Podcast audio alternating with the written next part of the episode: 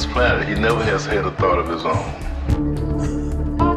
The thoughts always came from somewhere else. He always twisted to be to fit him, you see, instead of trying to twist himself around to fit something greater than himself. Man finally reached down and started talking about all men are equal.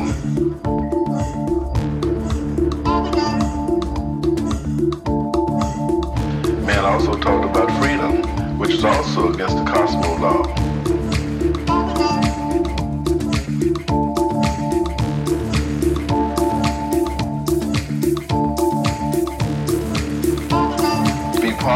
not, you have to get involved. It's not a matter of religion or politics or nothing. It's a matter of your survival.